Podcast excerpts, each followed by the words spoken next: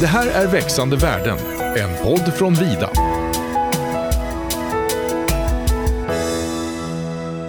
Hejsan! Då var det dags för ett nytt avsnitt av Vidas podd Växande värden. Och vi gör podden för att du som skogsägare ska kunna öka värdet av din skog. Och idag ska podden handla om ett stort och ibland kanske lite svårt ämne, ämne nämligen skatter och deklarationer. Och till min hjälp idag så har jag med mig min kollega Viktor Magnusson.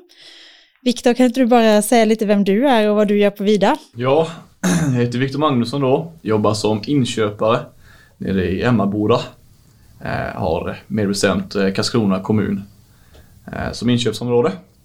Jag är väl lite på Torsås och eh, den kanten. Jag har varit på Vida i tre år nu. Eh, började direkt efter utbildningen som eh, skogsmästare. Och innan dess har jag även jobbat lite i skogen med att gallra och, och dylikt. Det var väl kort och koncist. Det var, det var din CV. Var Men du CV. är väl också mäklare? Ja, jag håller på så att säga. Jag är nästan klar. Du är nästan Eh, klar? Jag saknar någon distanskurs och sådär. Men just det. eh, jag håller på med det och jag ska börja jobba som det kan man säga. Mm. Ändå här. Eh, Lite snart. Jag och en annan som då är utbildad mäklare redan. Precis. Eh, Så För det är lite på den kvalifikationen som du har kommit hit idag. det är så jag lever precis. Jajamän. Men vi har ju även bjudit in Göran Andersson från Haga Konsult. Välkommen! Kan eh, du också presentera dig själv lite närmare? Ja, jag heter alltså Göran Andersson. Eh, bor i Värnamo men eh, har en större skogsfastighet nere i Strömsnäsbruk, södra Småland. Mitt föräldrahem som jag försöker vara på så mycket som möjligt. Eh, har hållit på med skatter i 45 år snart. 78 började på Skattemyndigheten i Vetlanda en gång i tiden. Sen har jag jobbat 25 år som lantbruksansvarig inom Swedbank och sen 10-11 år tillbaka så, så driver jag då en egen liten firma, rådgivningsfirma med deklarationer och skatter och det är enbart i princip till jord och skogsbrukare.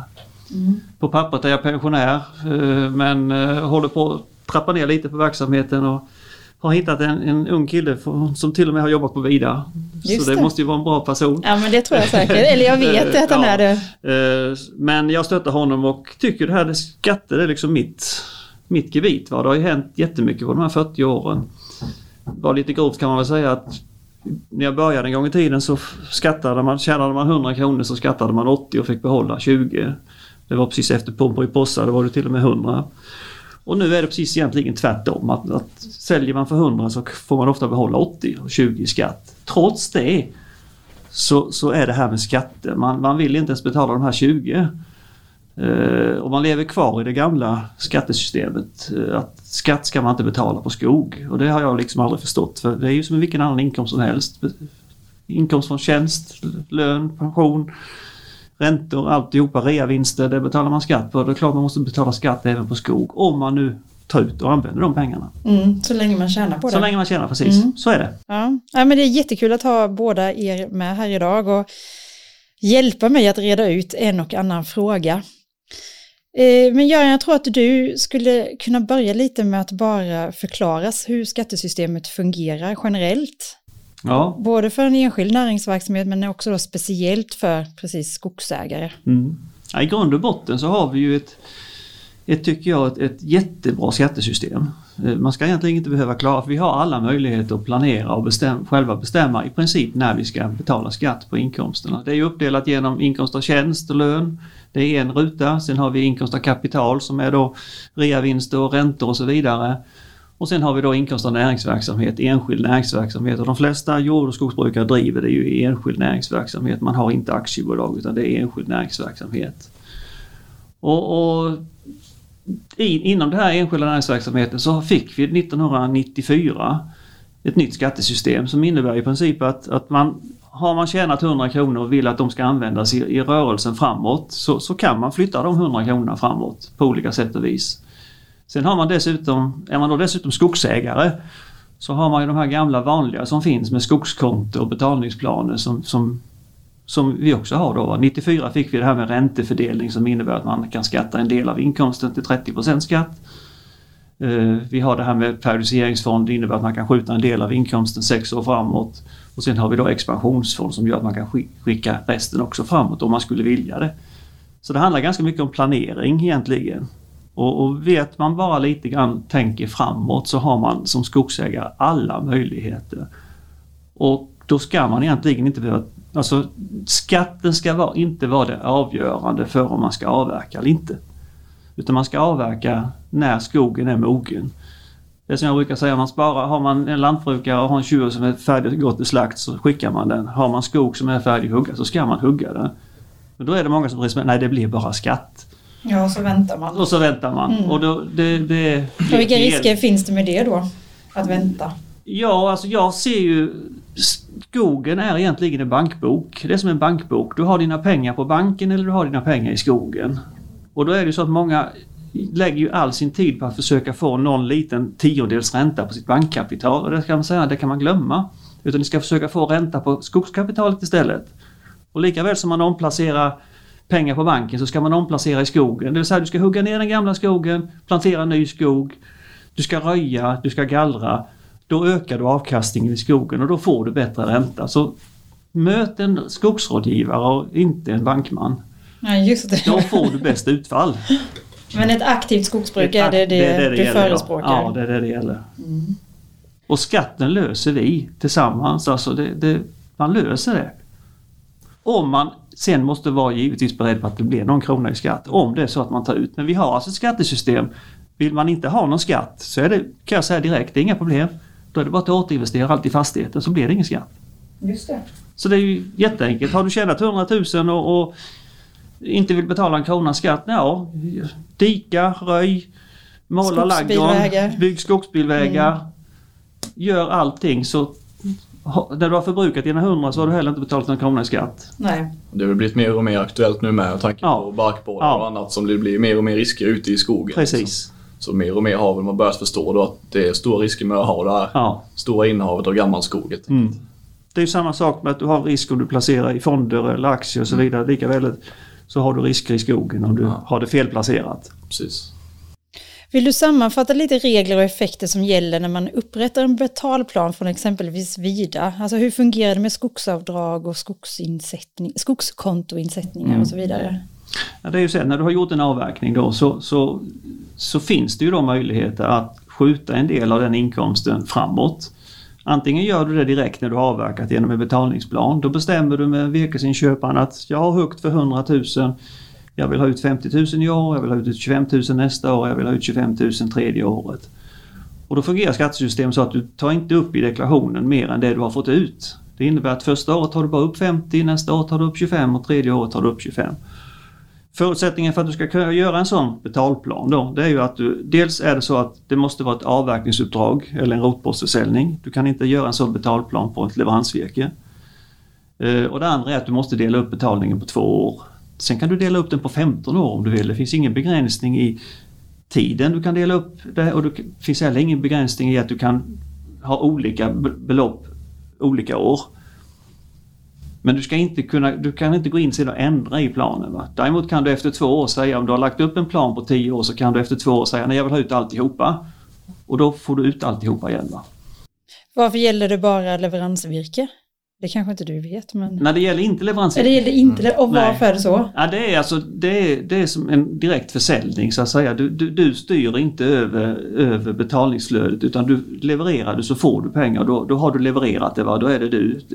Gör du ett uppdrag eller ett, ett rotpost så har du sält, sålt en nyttjanderätt i princip och det är den du sen kan fördela. Så, det, så fungerar skattereglerna, att det måste vara ett, ett sånt uppdrag.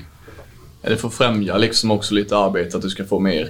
Då får du ändå, alltså leveransvecka, då gör du allting själv. Men har du ett AU och annat, då är det ju entreprenörer och annat som gör jobbet oftast. Ja. Det får främja arbetskraften med. lite, Ja, plus att du kan inte riktigt ibland styra ju när avverkningen sker Nej. och när den kommer och så vidare. Då, va? Så att eh, det, det hänger lite grann på det också. Mm. Tror jag. Mm, just det. Vad, vad tycker du är de vanligaste frågorna du får, Viktor, utav skogsägare? Ja, jag får ju mycket frågor om exempelvis eh, ja, de har huggt mycket nu med barkborrar och det här då, och så känner man att vi har huggt så mycket, varför ska vi hugga mer när det blir bara skatt på det som du säger. Det är Mm. jättevanligt att man får den. Eh, och det är jättesvårt att veta vad man ska rådgiva i en sån situation liksom. Eh, heller liksom, för de, de tycker med jag vill ha lite gammal skog, jag vill ha lite för framtiden och det här men det, men det blir liksom sönderblåst. Ja. Eh, och sönder barkborrar och det hit och dit. Mm.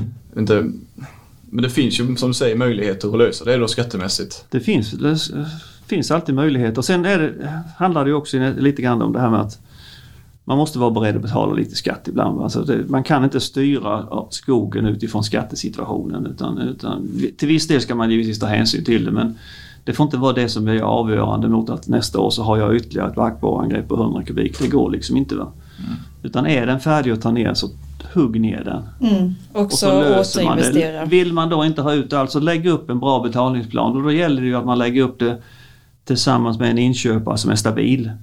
Alltså, visst det har ju inträffat i våra områden här med Möckeln och det har funnits ett antal Bäcknehoby och så vidare sådana som har gått i konkurs och det, det, är ju den risken man tar när pengarna står kvar hos köparen. Eh, så därför är det ju viktigt att man säljer, om man nu ska upprätta en betalplan, att man har ganska bra koll på vem som är köpare då. Mm. Men det är klart, sitter man på Vidas eh, balansräkning eller några andra här runt omkring och södra och så vidare så är det ju inga problem att göra en betalplan. Man behöver inte ta den Det är ingen större risk med det. Va? Nej. Du, jag tänker det här med skogskonto och expansionsfond. Mm. Vad är skillnaderna? Ja, ett skogskonto fungerar ju så att om du har högt skog så har du då som sagt var möjlighet att flytta den inkomsten. Då har du möjlighet om det är ett uppdrag eller en avverkningsrätt så kan du sätta in 60% Har du högt för 100 så kan du sätta in 60 då och ha den 10 år framåt. Och då måste du låsa in de pengarna på ett bankkonto. Ett bankkonto per år. För man ska kunna hålla reda på tioårsperioden. Och är man flera delägare så är det också ett skogskonto per delägare.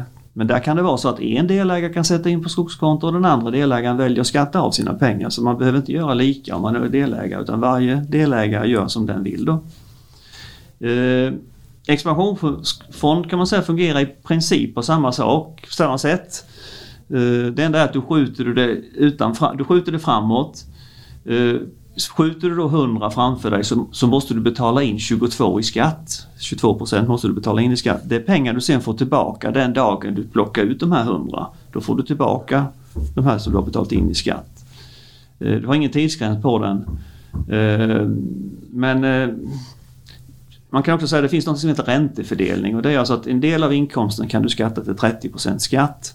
När du tar ut på ett skogskonto så kan du i nästa steg flytta och bestämma att då skattar du 30 Tar du ut på, eh, eh, Har du flyttat på en expansionsfond och tar ut den, då kan du inte skatta den till 30 eh, Så det är lite grann, expansionsfond kan man säga det är det sista man gör. Om vi börjar uppifrån så är det alltså betalningsplan, du kanske har ett underskott i din deklaration sedan tidigare år. Sen kommer skogskonto, sen kommer periodiseringsfond och sen kommer sist expansionsfond. Så du har de möjligheter. Räntefördelning där är möjligt. Ja, räntefördelning har du med efter där. Så sen så kan du bestämma vilket du ska göra då. Va? Ja. För räntefördelning är väl ganska bra eh, verktyg med att ha. Man, eller hur tänker man med räntefördelningen? Är det något man vill använda så fort man kan eller vill man bygga det? För det, det byggs ju successivt räntefördelning. Ja, utnyttjar du inte räntefördelning kan man säga så att det bygger egentligen på hur mycket eget kapital du har i din verksamhet. Har du 100 i eget kapital så, så kan du sätta av 6 till, till 6% ungefär till, till räntefördelning.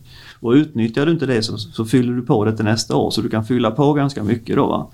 Och många skogsägare har ett bra eget kapital för i det egna kapitalet ligger ju fastigheten. Så de har ofta ganska stora underlag för att räkna de här 6 procenten på. Så de bygger ganska fort upp räntefördelningen. Det blir ränta på ränta med. Det blir ränta på ränta, ja precis. Ja. Sen är det så att vi har ju haft, som jag sa, en förändring i skattesystemet. Uh, vi fick det här med räntefördelning, sen har vi fått jobbskatteavdrag och så vidare som innebär att i princip alla pensionärer ska inte använda räntefördelning. De har mycket billigare skatt att skatta fram det som näringsinkomst istället. Och spara sin räntefördelning. Uh, upp till 100 000 som en pensionär så har man bara ungefär 20% i skatt om man har uh, pension som inte sticker iväg uppåt. Då. Och då är det också en sak som gör att om du har 20% i skatt på den här näringsinkomsten då på 100 säger vi. Då får du dessutom 18,5% i pensionsavgift. Så staten betalar in 18,5% till skatt så det kostar dig egentligen inte mer än 1,5 Nej, det är billigt. Det är billigt. Det förutsätter det givetvis att man fortsätter i, livet så att säga. Va? Men, mm. men uh, uh, För skogskonto kan du plocka ut lite hur mycket du vill varje du år. Du kan bestämma själv beloppet. Det är inte så att du låser som en betalplan exempelvis. Nej, då gör du precis hur du vill. Så behöver du skatta mer ett år exempelvis. Ja. Du har lite lägre inkomst mm. så kan du plocka det det året. Mm. Sen pratar vi då mycket om det här med resultatreglering. Och det, det som jag säger ibland kanske inte man ska resultatreglera. Har jag tjänat 100 så Jag brukar ha ett, ett sånt här standardexempel. Jag säger att du har 100 över. Vad gör du då? Ja, då går du och köper dig en skogskärra för 100 och har ingenting i fickan. Då kan, kanske det, kan vara roligare att ha skatta av 30 och ha 70 i fickan som du gör vad du vill med. Istället för att ha en kärra att titta på. Och vill du titta på en kärra så kan du titta på grannen för han har likadan. Va? det, det är så, man gör ofta investeringar för att slippa de här 20-30 procenten i skatt. Och ibland måste man ju unna sig själv något. Mm. Är inte det ganska traditionellt med att Ja. att man, man använder skogen som en komplement till jordbruket? Ja. Jag behöver en ny traktor och då Ja, hugger jag. ja. Är inte det lite traditionellt? Jo, men då är, det, då är du Så. mer aktiv. Då, då, kan jag förstå sitt, då kan jag förstå resonemanget att man köper sig en ny traktor. Men om vi tar alla de här som kanske inte är riktigt fullt aktiva. Mm. Man köper på sig grejer bara för att slippa skatten. Mm, Och okej. till slut så har man fyrhjuling och eh, processorer och skogskärror och gud vet allt vad man har. Men man har inga pengar som man har roligt för. Nej, man har aldrig varit på Kanarieöarna. Och det är som jag brukar säga, man kan ju fråga den som sitter jämt över på frukostbordet, vad tycker hon eller han? Eller vad tycker barnen? Eller framförallt vad tycker barnbarnen? De här barnbarnen kanske är i 20-årsåldern, behöver pengar för studier och så vidare. Varför då inte hugga ner lite skog, skatta av sina 20% kanske som man har så många pensionärer och ge barnen det då? Och vill man inte ge dem det så kan man ju lämna över pengarna och skriva en skuldrevers till dem. Alltså att de får pengarna när de verkligen behöver dem. Mm. Ja, och det då är det inte så farligt om man nu säger att man är pensionär och betalar 20% skatt så kan jag tycka att Visst är det roligt att ha 80 000 i fickan om man har huggt för 100.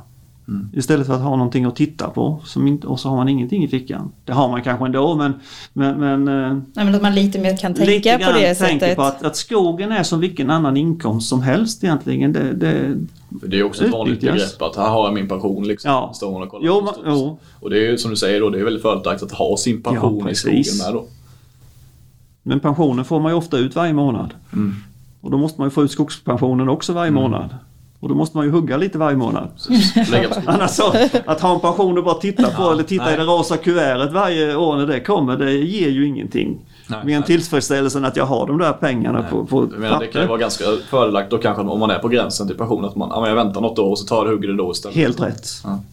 Det, då ska man verkligen planera. Man kommer upp i 60-årsåldern för vi blir pensionärer vid 65 normalt. Va? Och då, då, I och med att man har mycket, mycket lägre skatt som pensionär så är det ju helt rätt att skjuta inkomster framför sig då. Till man har passerat 65-årsdagen. Eller rättare sagt det året man fyller 66 gäller när man har den Ja, låga eh, skatten. Så är man 55 så är det skogskonto i 10 år. Ja, det är ju helt perfekt. Ja. Då ska man använda sådana saker. Gäller det på expansionsfonden med att man kan plocka ut den efter 65 eh, Ja, ja, och skatta den? ja. Och då har du redan betalat in 22% i skatt och är du då pensionär så till och med kanske du redan har betalat in den skatten som behövs. Ja, fast. För du har kanske inte med 20 Du kan egentligen. skjuta expansionsfonden framför dig hela livet egentligen. Ja. Plocka ut den när du är pensionär för Ja, ingenting. Då. ja. Intressant. Viktor, du vet hur du Jag ska vet göra. inte, jag är expansionsfond resten av livet. Men du är lite tvungen. Du, Börjar bli gammal det jag blir mycket när du blir så här. Men jag, byter, jag byter ämne lite. Ja. Om en fastighet säljs under taxeringsvärdet så räknas eh, det som en gåva, stämmer det? Ja, både och kan man säga. För att köper du en fastighet på marknaden där taxeringsvärdet kanske är helt fel utifrån vad värdet på fastigheten är. Det kan ju vara så att man har huggit ner det mesta av skogen men man har inte ändrat sitt taxeringsvärde. Vilket gör att du köper en fastighet på marknaden under taxeringsvärdet. Då är det ett köp. Eh, för att du ska få, om du köper det under, för att det ska finnas och räknas som gåva då, så ska det finnas en gåvaavsikt. Och då är det så att gör man en, en överlåtelse inom familjen eller i släktband då, då presumerar man att då är det en gåvaavsikt om man köper under taxeringsvärdet. Och då blir det en gåva. Och då blir det ju ingen... ingen alltså, det finns både för och nackdelar med, med och det kanske vi kommer in på nästa podd. Ni ska ju köra, har jag hört en podd om generationsskiften också. Då kommer vi kanske in lite mer på det. Men, men eh, i princip är det så precis som du säger att köper man eller tar över en fastighet under taxeringsvärdet så är det en gåva. Och då skattar inte överlåtaren, alltså den som lämnar ifrån sig fastigheten betalar ingen skatt. Nej. Lite intressant med hur det drabbar då den som köper skattemässigt. Det är väl Ja. det som är det intressanta Ja. egentligen. Frågan. Man kan säga att den som tar över det då, han, han sätter sig på den stolen som överlåtaren är egentligen. Han bara fortsätter så som den gamla ägaren hade gjort. Ja. Han får inga nya ingångsvärden, inga nya, inga, inga nya fördelar av att ha fått det på det viset. Va? Det är en fråga jag har fått rätt. Vi kanske skulle tagit den som sagt från Mm. nu sen. Men Mm. det är en lite intressant fråga som jag har fått med här nu. Det var någon som frågade vad behöver man sälja den på marknaden kontra om man ger bort det för gåva. Samma skattesituation då för den som väl säljer fastigheten. Mm. Alltså eh, om han liksom ger bort det som gåva för 5 miljoner då måste han ha kanske 7 miljoner för den på marknaden för det ska vara samma skattesituation. Mm. Eh, Är det så det funkar? Ja, liksom, alltså du har ju, överlåter du en fastighet så har du ju mellan tummen och pekfingret ungefär 25% skatt på din försäljning. Så Och det är klart, du får du ut en summa då utan skatt så får du lägga på Mm. de där pengarna. Så om du ger bort den till gåva till en släkting för 5 miljoner då måste du ha 25 procent till Ja, ja, 7,5 ja, för. ja, du Eller måste det ha, blir. ha 35, Ja. Extra då för att det ska vara 35-40 värt det, så att procent. säga. Precis, det Mm. måste du om du ska ha lika mycket pengar i handen då. Ja, precis. Ja, den är intressant Mm. också. Men hur kan man göra så att både säljare och köpare blir vinnare skattemässigt vid en skogsaffär? Ja, eh, det är lite svårt att svara på för det är ju så individuellt. Alltså, den som överlåter sin fastighet han är ju alltid, har ju alltid sina förutsättningar. Han kanske behöver pengar för att bygga, skaffa sig ett nytt boende eller något liknande. Va? Eh, den som köper, kanske det finns mycket gammal skog, då är man intresserad av något som heter skogsavdrag. För köper man en fastighet så bestämmer man hur mycket har jag köpt skogen för. Har du köpt en fastighet för en miljon så tittar man på taxeringsvärdet och kanske är så att 800 000 av dem är skog. 200 är åker och bete och hus och så vidare. De här 800 som du har betalt för skogen då, då kan man räkna fram ett skogsavdrag som är hälften av det, det vill säga 400 000 då. Och de 400 000, de, de har då möjlighet att sälja skog för skattefritt inom citationstecken. För om du har utnyttjat det här med skogsavdrag så den dagen du säljer fastigheten då får du skatta fram det. Så du har egentligen, det är inte skattefritt för all framtid. Det är lite av en fälla med Ja. de som har handlat Ja. mycket skog Ja. och huggit ner det mesta. De Ja. sitter ju i den situationen att de kanske inte kan sälja Nej. för att de är så dålig skattesituation. Nej. Det, det är många som hamnar där. Ja. Det är lite, Och det, nackdelen är ju, det beror på vilken sida man sitter på, va? men överlåter du då fastigheten genom gåva så skickar du också med dina gjorda skogsavdrag till den personen. Så att den får då skatta fram det istället. Va? ja, precis. Men om man säger att det, det är liksom, eh, ja, vi kan ta den kanske senare, Mm. men, men om man kommer in i den här att du ska ge över den, du är grannen, är bra, jättebra kompis, Ja. ni är överens Mm. eh, och så här, du vill lämna över den där men du vill ändå ha ut det mesta av din fastighet. Liksom. Mm. Hur blir båda i den situationen vinnare? För ni är ändå kompisar, du vill att båda två ska vara nöjda. Om man ställer frågan så istället, jag förstår att det är skillnad om man ska sälja på öppna marknaden för att Ja. du vill ha ut så mycket som Mm. möjligt. Men om man vill att båda ska bli vinnare, är det bättre att ge det som en gåva då och ändå eller hur, hur Ja, problemet är att du kan ju komma i en diskussion när du, när du överlåter en fastighet som gåva till någon helt oskyldig person, om vi säger så, som inte du har någon släktsband eller någonting med, att, att skattemyndigheterna kan presumera att här finns det andra pengar vid sidan om också. Va? Att det inte egentligen är en gåva, Mm. utan det finns ändå en viss gåvaavsikt i det här. Va? Och då kan man komma i en diskussion, så jag råder ju ingen att, att göra en gåva mot någon som inte man eh, känner eller är inom släktbanden. Då, då, det ska man inte göra tycker jag. Då är man lite grann eh, ute på kanten och dribblar tycker jag. Det, och det liksom har varit är hela min princip. Att man, ska inte, man, ska, man ska följa regler, man ska göra det och utnyttja de regler som finns men man ska hålla sig inom staketet. Alltså man håller på med sånt som är lite trixigt och så vidare. Det lönar sig aldrig i längden tycker inte jag. Nej, det finns risken att Det man... finns alltid risker och man ska Ja. kunna sova gott på natten. Va? Både- rådgivaren och kunden ska kunna sova gott på natten. Att inte det kan komma fram något skit i efterhand. Då, va? Men du, det här skogsavdraget, hur fungerar det? Om vi då säger att man har köpt en fastighet för en miljon och så har man bestämt utifrån taxeringsvärden att 800 000 i skog jag har köpt. Då får du ett skogsavdrag på 400 000. Då har du de 400 000 att beta av så att säga. För att kunna utnyttja de här 400 sen så måste du givetvis då sälja skog. Och säljer du då skog som ett uppdrag eller en rotpost så får du ta hälften av det du säljer för och räkna av mot de här 400. Har du leveransvirke så är det 30% du får räkna av. Så har du de här 400 då som du har fastställt att det är mitt totala skogsavdrag och så hugger du för 100 000. Hugger du för ett, upp, ett uppdrag, ja då kan du dra av 50 000 som inte du behöver skatta för då. Har du, skickar du som leveransvirke så är det 30 000 som räknas av från de här 400 då. Och de ligger så länge du äger till du har utnyttjat de här 400 då. Så det är ju ett sätt att skaffa sig likviditet och tanken är ju att det du utnyttjar som skogsavdrag ska du ta och betala av dina lån med. För att betala av lån och amortera det måste du göra med skattade pengar. Och då blir ju de så att säga, indirekt skattade när du utnyttjar det mot ett skogsavdrag. Sen finns det inget krav för du kan utnyttja skogsavdragen då utan att betala av dina lån men det är det som är tanken. Är- det baserat på hektaren du äger eller är det mer på fastighetsbeteckningarna eller är det på ägarkonstellationen? Eller hur baserar de skogsavdragen sen när du väl säljer? De är individuella också. De är individuella, alltså per person. Mm. Per liksom. person ja. Men är det på ägarförhållanden då liksom också? Ja. Så du kan ju ha ägarförhållanden liksom och skicka in dem på så kan du sälja hela den fastigheten utan även om du har skogsavdrag på annat ställe. Ja, ja. Men jag har förstått att vissa som äger mycket skog och ägt den länge och utnyttjat skogsavdraget mycket så kan man knappt sälja sin skog till slut för att man då får en sån skattesmäll. Stämmer det? Nej, det var ju det du var inne på Viktor, lite grann Mm. också då att har man, eh, som sagt var, de här skogsavdragen är inte skattefria för all framtid utan någon gång ska de skattas fram. Va? Och då är det ju så, precis som du säger, att har man då utnyttjat mycket skogsavdrag så, så ligger det ju en stor latent skatteskuld där. Och det måste man ha med lite grann i planeringen då. Eh, För den dagen du säljer fastigheten så måste du ta upp de här som inkomst av näring. Och då gäller det kanske att ha sparat på sig ganska mycket räntefördelning för då får du åtminstone bara 30% skatt på dem. Va? Eh, Så du måste ha lite planering då om du har mycket sådana här skogsavdrag. Och om man inte har haft den där planeringen då, hur gör man då? Eller då är det bara...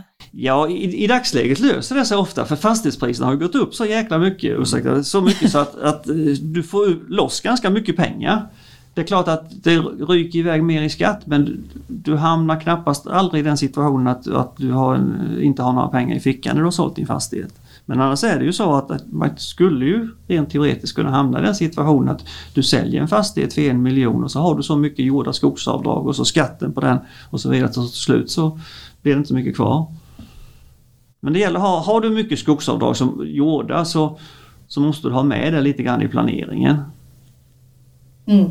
Det går inte att sälja direkt riktigt och du måste nästan Nej. ha planerat en bra tag. Ja, och, och man måste ju ha med det som vi ska prata om i nästa, nästa avsnitt, lite om det här med generationsskifte. Det måste man ha med sig också. Det, hur mycket skogsavdrag skickar jag med då till nästa generation? Eh, eh, ja, man skickar med en rätt rejäl skatteskuld också kanske då. Va? Och det måste man ha med i beräkningen gentemot syskon och så vidare. Om det som ska ta över, att han tar över inte bara skatten på själva fastigheten då utan han tar även med sig skatten på skogsavdrag. Och det är lite samma där som vi pratade om innan då med gåva även vänner emellan då. Ja. Att man får nästan hålla lite koll då. Ja. Så man inte helt plötsligt får den här skatteskulden också med i Nej. det hela utan att ens veta om det. Nej precis. Man det kan ju ju vara vänner liksom. Man kan vara vänner men man lär inte vara det sen. Nej, man får nästan ha det lite Ja. lurigt då ju. Ja. Det är inte lätt att ta reda på Nej. innan. Nej. Vad är dina generella tips och råd till skogsägare i deklarationstider? Ja, det är att man har planering. Man har, ska ha lite, och man ska, man, när man kommer in till den som gör deklarationen då så, så ska man ju ha lite i tanken. Vad ska jag göra med de här pengarna? För det är lite grann det som styr. Alltså har, jag, har jag sagt att jag har inget investeringsbehov, jag ska inte göra det, jag ska ha det privat. Ja då skattar du av dem. Då, får du, då, då, då finns ju ingen anledning att skjuta det framåt. Vi har ju haft många nu efter Gudrun och så vidare som satte in fullt på skogskonto då. Och, och i samband med stormar och så vidare så finns det något som heter skogsskadekonto. Istället för 10 år då som är på ett vanligt konto, skogskonto så har man 20 år innan man måste ta fram det och de börjar snart närma sig nu. Och jag ser ju som deklarerar mycket att det finns de som har skogsskadekonton kvar sedan 2005, 2006, 2007 och som inte, har- inte har tagit ut en krona under de här åren. Och nu börjar det snart brinna i, i knutarna. Och det är ju egentligen inte meningen med ett skogskonto eller ett skogsskadekonto att man ska vänta i 10 år eller 20 år och ta ut dem. Då skulle man kanske lika så kunna skattat av dem redan från första början och haft lite roligt för pengarna. Än att ha dem stående på ett konto. Så även om du har ett skogskonto eller skogskonto så måste du ha lite planering när du ska ta ut dem och skatta fram dem lite löpande. Ja, veta varför du sätter dem där Och, från och, precis, och början. det är ju som sagt så, kommer du då in och ska göra en deklaration så den rådgivaren som, som du pratar med då, eller den deklarationsmedhjälparen, han, för att han ska kunna göra ett bra jobb så måste han veta lite grann vad du har tänkt att göra med dina pengar. Du nämnde skogsskadekonto där, det har vi inte pratat om någonting heller. Nej. Det funkar riktigt, det är också intressant. Det fungerar exakt likadant som ett skogskonto. Mm. Eh, fast du har 20 år och sen är det så att förutsättningen för att du ska sätta in på ett skogsskadekonto det är att du har haft eh, skador. Det finns lite specialregler, det ska vara en tredjedel av värdet av fastigheten och så vidare. Det finns lite specialregler kring när du får sätta in på ett skogsskadekonto. Man kan ju tänka sig att det finns en del nu i samband med som har haft stora backborrangrepp. Som där, där eh, mycket skog, har du blåst ner ett litet hörn eller bara fått en liten skada då, då kvalificerar det inte för skogsskadekonto. Men om du har haft stora angrepp så, så kan det vara så att du har en skogssakkunnig som skriver ett intyg att det har uppstått skador och då har du möjlighet att sätta in på För Gudrun och skogsskadekonto. de Per och de Ja, som du säger. Ja, då, då gjorde man det generellt Ja. eh, 2005-2006. Då sa att alla fick sätta in på skogsskadekonto för då, då förutsätter man att alla hade skadorna. Va? Men kunde man sätta in då både på skogsskadekonto och Nej, det var att de fick välja? Liksom. välja. Du får välja vilket du ska sätta in på. Och har du möjlighet att sätta in på skogsskadekonto ska du göra det för då har du ju ytterligare 10 Tio år på dig att planera det då. Va? Det gäller att man planerar. Ja, det gäller att planera också. Vänta till 20 år, det är ingen planering. Nej, precis. Jag tycker ofta det är ett återkommande ord här i podden, planering. Ja men, nej, men det, så är det. Alltså, både för dig själv som skogsägare så måste du ha lite tanke på vad, vad ditt skogsbrukande ska gå ut på. Ska du, ska du liksom skaffa dig det är likadant, ja du som virkesköpare, ska man gallra hårt eller inte? Vad är syftet? En del skogsägare, vad där kanske jag idag, att man vill ha så mycket kubik som möjligt då va? Och, och då kanske man ska vara lite försiktig med gallringen medan andra tycker att de ska ha ut värden istället. Det är ju viss planering på och det är likadant när du, ska, när du väl ska hantera den här summan som du har fått ut. Vet du om att du har kostnader för röjning och du vet ju alltid att du har kostnader för plantering om du har gjort en slutavverkning. Alltså du vet om kostnader som inte kommer just det året men de kommer ett antal år framåt. Ja då ska du i deklarationen planera utifrån det. Har du inga kostnader framåt och du har inte tänkt att köpa några onödiga maskiner. Ja då måste du hantera det utifrån det. Mm. Eh, Nej, men det låter Börjar du logiskt. närma dig din pension så får du planera utifrån det. Alltså den som hjälper dig med deklarationen har ett ganska stort ansvar tycker jag. Att inte bara titta, titta på siffrorna utan verkligen ta reda på lite grann vad kommer Vad är du ditt att- mål? Vad är ditt mål? Mm. Jag tror Vad som är du säger, tanken? Många av oss markägare så här, vi litar väl nog mycket på revisorn. Liksom. Men han har planering, jag tror att han kan detta liksom. Det gäller nog verkligen att hålla koll på att man får nog in, lite investera sin egen tid i det också kanske. Jo men så är det ju. Sen är det ju givetvis så, jag menar, Fråga lite liksom. en annan som har hållit på så här länge med skatter, jag har ju kunder som jag har haft i 25-30 år. va. Jag vet ju, det är ju jag som får bestämma åt dem. Va? De, jag, och jag kanske vet mer om deras tankebanor kring skogsägandet än vad de själva vet. Eh, Mm. Du har frågat och varit nyfiken helt enkelt. Och ja, krävt i och med lite svar ja, också. Man har följt med dem hela Ja. tiden och vet lite grann hur, hur det är då och inte bara titta på siffrorna och kan reglerna kring skatt och så vidare. Man måste tänka, titta lite, ha den stora hatten på sig och För det är det se ju lite längre. med, med vid redovisningar och sånt. Bara, jag ska bara ringa min revisor och kolla vad jag vill ha. ja. Det är i princip så liksom Mm. mycket handlar om med, med utbetalningar och det jag menar 85, 80-85 procent av din deklaration kan du göra själv. För det är alltså att sätta ihop inkomsterna och sätta ihop utgifterna. Det kan vem som helst göra och det måste du göra för du måste ha koll. Du måste ju ha en redovisning så du vet vad du har. Sen kan det ju vara allt ifrån att du har satt kvittorna i, i något lösbladssystem eller i papperskartongen. Men du måste ändå få ihop det i slutet så du ska, kan plocka in siffrorna. Och det kan egentligen vem som helst göra. Utan det, vad som händer sen är ju när du börjar på den sista raden. Ja, du kommer ju in lite grann med betalningsplan. Det är ju något du har bestämt med innan kan man säga. Va? Men de andra sakerna som vi pratar om, skogsavdrag, skogskonto, räntefördelning, periodiseringsfond, expansion. Det är ju sånt du gör efter du vet vad ditt resultat är. Och det är då man kommer in som Det är där revisorn rådgivare. kommer in. Det är där han kommer in och kan hjälpa dig då att använda de här jättefina instrumenten som vi har för att komma fram till ett resultat allra längst ner som du betalar skatt på. Mm, och som man är nöjd med. Som man är nöjd med. Va? Mm. Och ibland gäller det då även att förklara att du måste ha någonting där nere. För vi har ju det här med räntefördelning. Då flyttar du alltså en inkomst ifrån näringsblanketten till inkomst av kapital. Och det är ju en sak att du får en, en fast skatt då 30% på det. Men samtidigt så har du ju ingenting då kanske på näringsblanketten och det innebär att du tappar, du har ingen sjukpenning, du har ingen pensionsinkomst, du har ingen föräldrapenning och så vidare för du har ingen inkomst på näringsblanketten. Och det måste man ju ta hänsyn till lite grann då. Alltså är du i en ung ålder och kanske ska bli föräldraledig och så vidare så, och har kanske lite Även om du har löner så kanske inte de så höga. Då kan du höja upp din föräldrapenning genom att du skattar fram lite inkomst på näringsverksamheten. Så du kan få dina föräldrapenningar både från din anställning och ifrån näringsverksamheten. Ja, och om du skulle behöva låna pengar av andra för banker med så Ja. inte de direkt se nollresultat rätt Nej. igenom utan de vill se att du går med vinst. Precis. Så det finns ju en sån aspekt Mm. med då. Mm. På det. Superintressant. Alltså jag tror vi kan prata om det här ämnet hur länge som helst. Eh, Viktor, känner du att du har någon mer fråga? Känner mig rätt nöjd på denna delen. Ja, vad härligt. Ja. Men det är Eh, lite grann med, med, med det här med, med sjukpenning och så vidare. Man måste tänka lite grann på sig själv också i det läget att man inte bara... Det, det som jag sa, många lever kvar i det här skattesystemet som jag har varit med i en gång i tiden från början med 80% skatt och 20 Man lever fortfarande kvar i, man tror inte på mig när man säger vi kan ju ta eh, typiskt den som är född före 37. De är ju ganska gamla i dagsläget men det finns ju en del aktiva som är före. De har alltså bara 10% skatt ungefär på sin näringsinkomst. Och det är ju helt, ja man ska inte säga vansinnigt, men det är ju helt dumt att Man inte blir nästan skatta lite fram till- avundsjuk. Ja, precis. Men det pratas ju mycket om det här, ja, men lämna över i tid, gör Ja. det till generationsskiftstid. Men hur tänker man där då? Är det nästan bättre att man kanske väntar ut lite? Och... Ja, ser man det rent skattemässigt så kan det ju vara så att en pensionär har ju mycket lägre skatt än ofta den som är. Sen är det ju, vi kommer in på det generationsskiftet, det kanske är så att den som tar över är pensionär också. För vi har generationsskiften som är ganska sena. Ja, just det. Så att det Just kanske det. löser sig automatiskt. Men, men principen är så att, att man, ska, man ska tänka på det här lite grann med pension och sjukpenning och så vidare också då och få ut lite grann av det också. Väldigt eh, klokt faktiskt. Mm. Det är nog många som kan glömma det. Ja, och den, alltså den stora som jag vill skicka med det är att var inte rädd att betala lite skatt. Nej. För du kan få ut ganska mycket tillbaka genom det här sociala nätet som vi har. Och jag tycker ju, men det är min personliga uppfattning, att även om du då betalar 30% skatt så kan ju, jag tycker det är en rimlig skatt. Kan jag betala 30 det är ju, jag, jag, vi har ju ändå ett samhälle som kräver ganska mycket för, för sjukförmåner och att vi måste betala någon skatt. Va? Och då måste man bidra lite grann med det. Och inte vara rädd och som sagt var jag ser det också så att du har 70 i fickan då.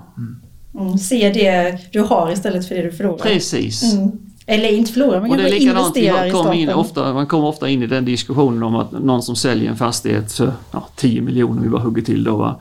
Det är ju ett fasen att man ska betala 2,5 miljoner i skatt. Ja, men så, skit i det, du, titta istället på att du har 7,5 i fickan. Mm. Det är ju det som är intressant. Mm. Vi har pratat lite grann innan om det här med eh, varför man ska anlita en revisor. Eh, och det, det finns inget krav på att man anlitar en revisor men jag tycker att man ska ha en man ska ha en person som hjälper en med deklaration och så vidare som kan jord och skogsbruk. Eh, inget ont om de här stora revisionsbyråer och så vidare som finns. Eh, de har två problem egentligen. Det ena är att de är nästan enbart inriktade på aktiebolag. Eh, och Kommer det då in en som driver enskild näringsverksamhet så möjligen klarar de av det men kommer det då in en enskild näringsidkare som är skogsägare dessutom då vet man kanske inte ens vad skogskonto och skogsavdrag är för någonting. Man vet periodiseringsfond för det är någonting man kan utnyttja i, i aktiebolag också. Men man vet kanske inte vad expansionsfond är. Man vet kanske inte ens vad räntefördelning är. Så man ska anlita någon som för det första kan enskild näringsverksamhet, det måste vara A och O. Och sen är det givetvis så att man måste kunna ha någon tycker jag som kan lite grann om jord och skog och vet vad det handlar om. Mm. För det är så lite speciellt om man har lite mer fördelar som jord och skogsbrukare. Man har lite mer möjlighet att planera sitt resultat. För man har de här extra grejerna med betalplan, skogskonto, eh, eh, skogsavdrag som inte en vanlig enskild näringsidkare har. Eh, så det är viktigt att man har någon som, som Någon som är lite Ja, som är ett bollplank helt Ja. enkelt. Då, va? Mm. Lika med jag menar en, en, en som ska sälja sin skog han vänder sig ju inte till kreti och pleti utan han vänder sig till en skogsinköpare en som kan s- köpa in skog. Mm. Och, och, och, Ja, vi får, vi får ju väldigt mycket frågor även skattemässigt och Ja. sånt också. Ja. Så vi, man behöver ju vara rätt så bred kunskap på det liksom. ja, För det blir mycket sådana frågor också. Det är Mm. ju svårt om man inte eh, uppdateras på det dagligen heller. För det händer ju så jäkla mycket i den Ja. men då är det ju bra också man kan ha, och det händer ju titt och tätt att man har en dialog med den som är den man har som sin kontaktperson som virkesinköpare. Att man, det händer ju titt och tätt att han har sagt ring till din och då ringer ju kunden till mig kanske och säger hur ska jag göra här nu då? Ska jag göra betalplan? Då kan man ha, då kan jag till och med vara så att jag ringer upp virkesinköparen och säger att ja så här har vi kommit överens. Så kan man som virkesinköpare skaffa sig lite kontaktnät ute på de som man vet håller på med deklaration åt sina jord och skogsbrukare så tror jag man kan få ganska bra dialog den vägen också. Och inte vara rädd att ringa dem i det läget. För jag menar ni som virkesinköpare, ni, ni ska ju inte kunna allt kring skatter då. Va? Det är ju Nej. inte ert gebit. Va? Eh, Men det kan vara bra att ha lite bollplank Mm. Verkligen. man har lite kontakter med vem ska man kan fråga i det läget. Då, va? För jag förstår ju att, att skogsägarna drar sig för vissa saker. Nej, det blir bara skatt. Och, det, det är sånt Viktor du inte kan svara på direkt. Du, du har ju ingen aning om hur deras deklaration ser ut. Nej, det är det som är problemet. Det kanske, är en, det kanske är en kund som har 500 000 i ett underskott på Ja. sin deklaration. Ja. Då kan han ju glömma skatten. Han, ska ju hugga Ja. för 500 000 Ja. bara. Och det är svårt för dig att svara på när du inte vet. När du inte vet Ja. Det, det, det som är enkelt du kan ha som inköpare egentligen det är att du får, ber att få titta på deras Ja. NE-bilaga så har du en ruta där som heter sparad räntefördelning. Ja. Det är alltså det de har sparat på så att de kan skatta till 30 och då kan du säga ja du har 730 000 där. Du kan hugga för 730 000 till 30% skatt. Killar, jag tror att vi kan prata om det här ämnet hur länge som helst, men vi får nog sätta punkt här. Stort tack för att ni båda kom förbi vår lilla studio här i Alvesta utanför sågverket. Och det är jättekul att det är så många som har hittat till vår podd och vi hoppas att ni hela tiden får ny kunskap. Skogspodden är en annan podd om skog. Lyssna gärna även in den. Och det är lite kul för den drivs av far och son tillsammans. Och vill du kontakt, komma i kontakt med oss här på Vida så gör du det genom podd.vida.se. Nu vill jag önska dig en fin dag och så hörs vi snart igen. Det här är Växande värden, en podd från Vida.